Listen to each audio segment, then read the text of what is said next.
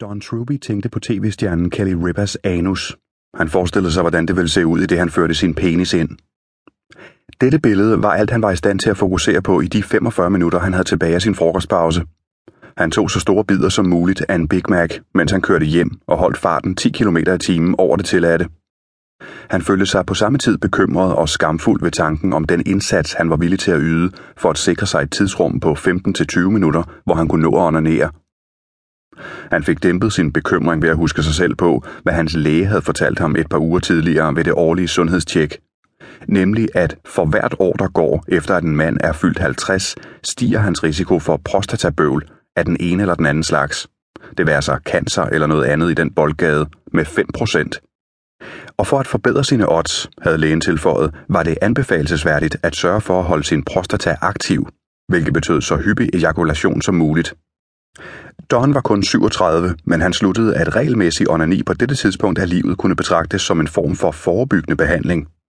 Dette rationale var i hans bevidsthed på resten af køreturen hjem. Med rundt regnet 35 minutter tilbage af frokostpausen nåede Don sit hjem. På det tidspunkt havde hans undskyldningsmekanisme skiftet fra forebyggende behandling til bebrejdelse af hans kone for hendes manglende vilje til at indlade sig på seksuelt samvær med ham. De havde været gift siden tidligt i 20-årsalderen, og sammen havde de en 13-årig dreng, Chris. Begge disse omstændigheder, forstod han, kunne have deres indvirkning på kønslivet for enhver gennemsnitlig person, mand som kvinde. Ikke desto mindre kunne han ikke lade være med at føle, at noget havde ændret sig over det seneste år. Hyppigheden af deres seksuelle samkvem var svundet ind til én gang hver halvanden måned, og hans hustru, Rachel, virkede fuldkommen uinteresseret og modvillig i forhold til at tilfredsstille ham oralt eller bare med en hjælpende hånd som alternativ til samleje, når hun ikke var i det rette humør. Don følte, at han ikke havde noget andet valg end at benytte sig af den eneste form for seksuelt afløb, han stadig kunne regne med, nemlig nogenlunde regelmæssig onani. Han gik ind i soveværelset og satte sig ved deres fælles computer og forsøgte at undertrykke den følelse af selvmelidenhed, som altid synes at snige sig ind på ham i netop dette øjeblik. Han mindede sig selv om, at i kraft af resten af husstandens daglige rutiner, var disse 20-30 minutter de eneste, han havde for sig selv i løbet af dagen. Og dermed det eneste tidsrum, hvor han havde mulighed for at imødekomme sit biologiske behov for at ejakulere. Computeren, der efter Dons opfattelse blev stående bemærkelsesværdigt længe på Windows opstartsskærmen, skiftede pludselig over til genstartsskærmen. Don havde oplevet dette før med sin tidligere computer. Han vidste, at det enten betød, at computeren bare var ved at blive gammel og slidt og snart trængte til at blive skiftet ud. Eller også, hvilket var mere sandsynligt, havde han gennem tiden surfet rundt mellem for mange pornohjemmesider og havde dermed fået den udsat for en eller anden virus eller spyware, der nu endegyldigt havde gjort den ukampdygtig. Han besluttede sig for at slukke for computeren og give den en chance mere for at komme skridtet videre end opstartsskærmen. Men da han forsøgte igen, var det med det samme resultat.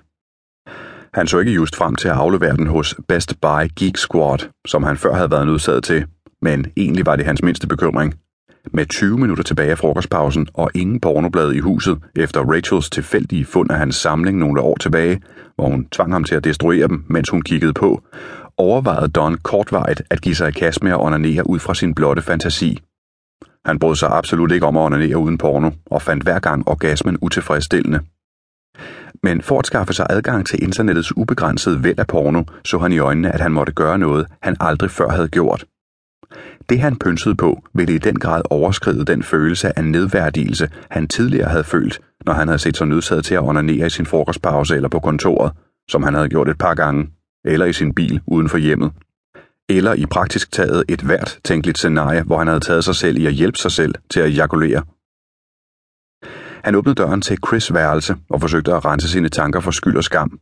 Han vidste, at han ikke havde tid til den slags tankevirksomhed, hvis han skulle nå tilbage til kontoret, før frokostpausen var over. Den foregående jul havde han givet Chris en bærbar computer, der fortrinsvis var tiltænkt skolearbejde og videoredigering. Chris havde givet udtryk for, at han kunne tænke sig en karriere inden for tv- eller filmproduktion, så da han bad om et videokamera og en computer til at redigere på, blev Don og Rachel enige om at støtte ham i at udforske sine evner inden for området. Disse tanker strejfede Don i et splitsekund, før han åbnede den bærbare og tændte for den. Den faste procedure Don fulgte for at slette browserens historik på sin og Rachels computer var blevet ren rutine for ham. Det var på ingen måde kompliceret. Han slettede ganske enkelt hele historikken, hver gang han havde benyttet computeren til onanimæssige formål.